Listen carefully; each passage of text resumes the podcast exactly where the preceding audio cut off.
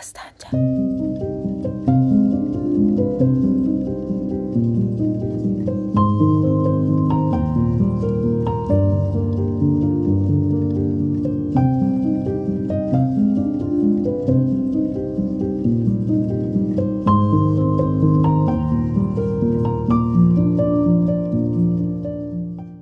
Xan nənəm məni çox istərdi.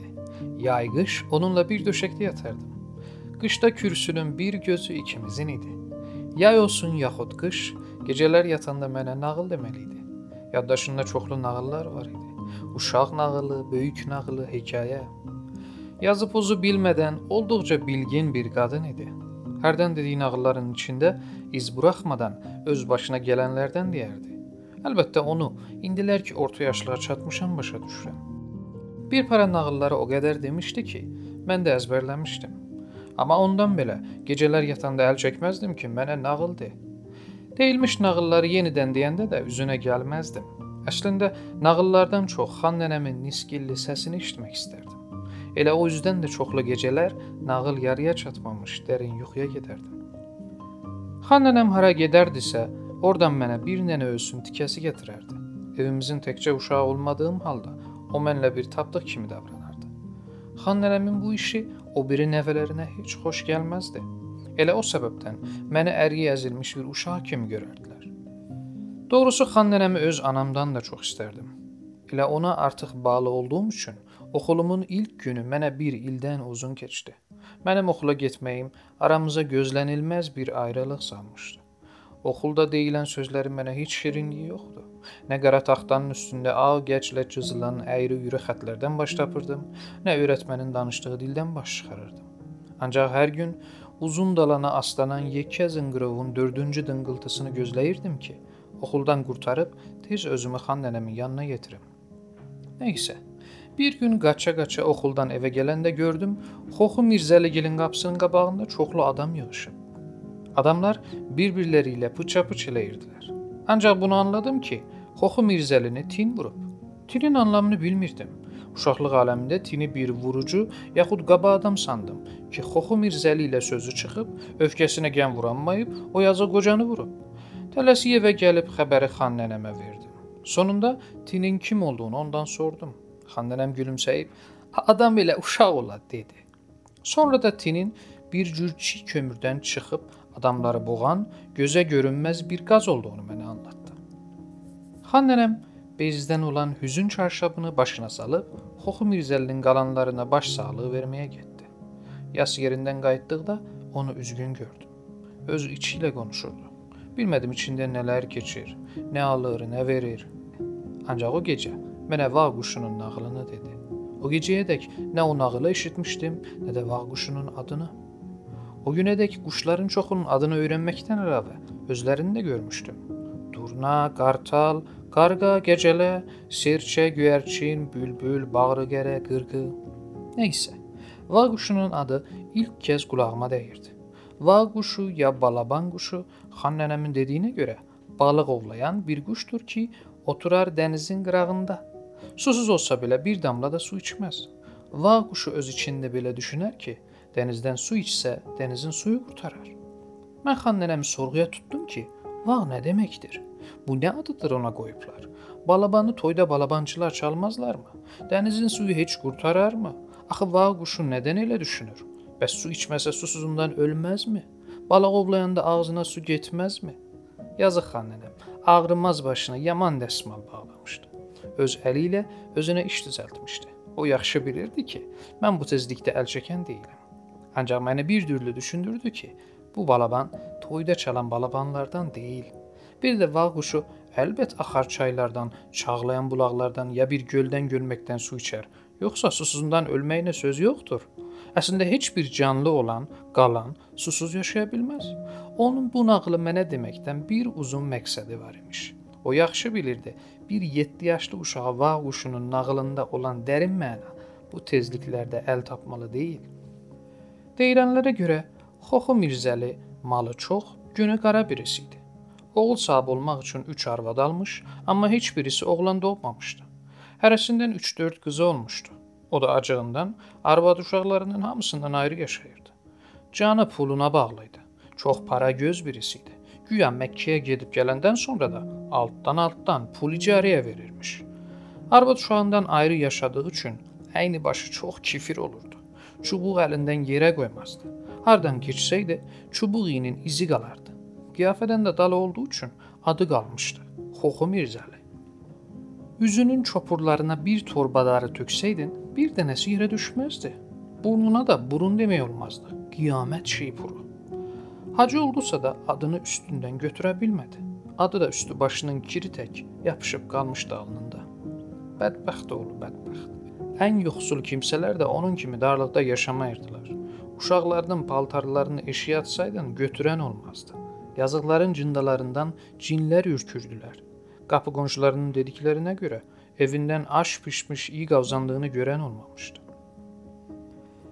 Xan nənəm o gecə vağ quşunun nağılını deyəndə Xoxu Mirzəlinin də durumunu vağ quşunun durumuna bənzətmək istəyirmiş. Amma mən yalnız uşaqlıq aləmində o quşun su içib içməməyini düşünürdüm. Xan nənəm hələ açıq, göylü gözü tox bir qadın idi. Gözünün yağını da ona buna yedirtməkdən çəkinməzdi. Dilinin çörəyi bir sözü var idi. Səxavət diyanətdən də qabaqdır. Gözü dar kimsələrdən heç xoşu gəlməzdi. O gecə deyirdi: "Aman bu bəşərin əlindən, aman, bu bəşərin gözünü yalnız torpaq doyura bilər. Yığ, yığ, yığ, nə özün ye, nə ayrılarına gedirdi. Bir ömür şeytan fəhləsi ol. Vərəsiyə mal qalsın. Sənə vizrü və bal. Tövbə, estağfurullah, tövbə."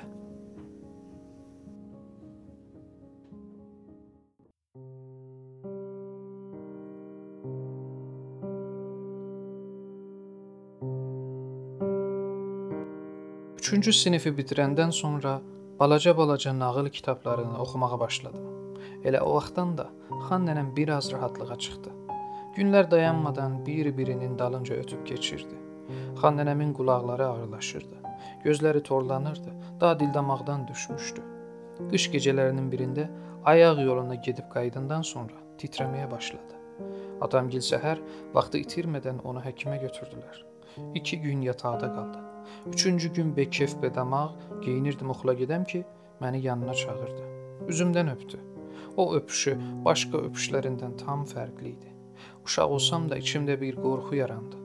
Sanki ürəyimdən bir zad qırıldı. Anama dedim, bu gün oxula getməyim. Qəbul eləmədi. Könülsüz könülsüz evdən çıxıb oxula doğru getdim. O gün özümdə değildim.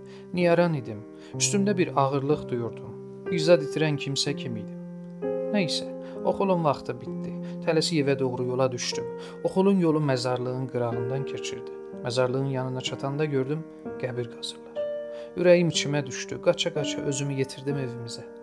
Qonşulardan biri qabağımı saxladı. Xan nənəmi evdən çıxarıb məzarlığa sarı aparırdılar. Özüm bilər-bilməz ara çəkib hönkür-hönkür ağlamaya başladım.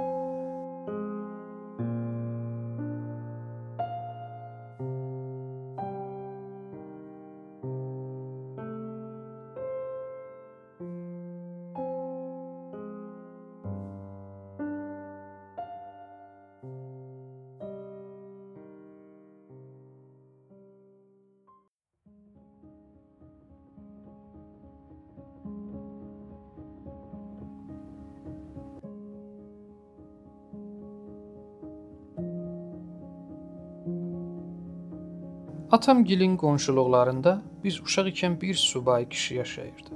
Yaşı 50-ni aşmışdı. Varlıkarlı birisi idi. Adına Həsən İsfahani deyirdilər. Qonşular neçə dönə yalqız yaşamağının səbəbini sormuş, yalnız bir cavab eşitmişdilər. Ağlı olan kimsə özgə qızına çörək verməz. Mən bu başa çatandan sonra təhsil almaq üçün ana yurdumdan köçmək məcburiyyətində qaldım. Bu köç uzun zaman sürdü. İllər boyu öyrətmənliklə ilgiləndim. 30 illik vəzifəm başa çatdıqda əməkli olub ana yurduma qayıtdım. Həsən İsfahanini ahıllanmış gördüm. Uzun illər boyu bərk zənginləşmişdi. Varlı, karlı olduğu dillərə düşmüşdü. Pul para görməyən dabanıcılıqlar göy Allahındır yer Həsən İsfahaninin deyirdilər. Nə bağlarının sayı bəlli idi, nə tarlalarının. Get-gedə huşu azırdı. Çox vaxtlar danışanda cayırdı. O yaşda hələ də yalqız yaşayırdı. Evinə ev demək olmazdı, iti bağlasaydın dayanmazdı. Zaman sürəsində görkəmindən düşmüşdü. Ağzı burnunun suyunu yığışdıramırdı. Üz gözü əyrilib büzüşmüşdü. Parpaltarının kiri boyalarını itirmişdi. Gövdəsinin iyindən yaxınından keçmək olmurdu. Çayxanaya girəndə hamı bir-bir durub çayxanadan eşiyə çıxırdılar. Eşitdiyimə görə Xoxu Mirzəli öləndən sonra da onun yerini tutub 107 ilə pul icarə verməyə başlamışdı. Onun bunun dediyinə görə heç özü də pulunun sayını bilmirdi. Bundan belə o varın sabının günü itin günündən pis idi. Çoxlarının neçə il öncəyədək ağzı sulanırdı. Elənsi bir var dövlət yiyəsi olsunlar deyə. İrəlilərdə qonşular görürlər Həsən İsfahanın evindən cəmdəki gəlir. Nə qədər qapısını döyürlər, cavab gəlmir. Gənc oğlanlardan biri divardan aşıb qapını açır. Görürlər bu pis qoxu evin içindən gəlir. Keçirlər içəri, görürlər Həsən İsfahani neçə gün öncə ölüb, iyi də onun qurdlanmış cəmdəyindən gəlir. Qonşular vaxt itirmədən ögey qardaş kömürçü İbana xəbər verirlər.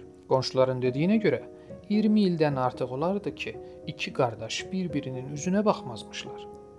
Kömürçü İbanın bir bölük külfəti var idi. Qardaşı Həsənin varı yer batırdığında o yazıq kömürü basmaqla ölmə diril keçinirdi. Elə o üzdən də bir-biri ilə danışmazdılar. Kömürçü İban qardaşının ölüm xəbərini eşitcək, qara geyib tez özünü onun evinə yetirir.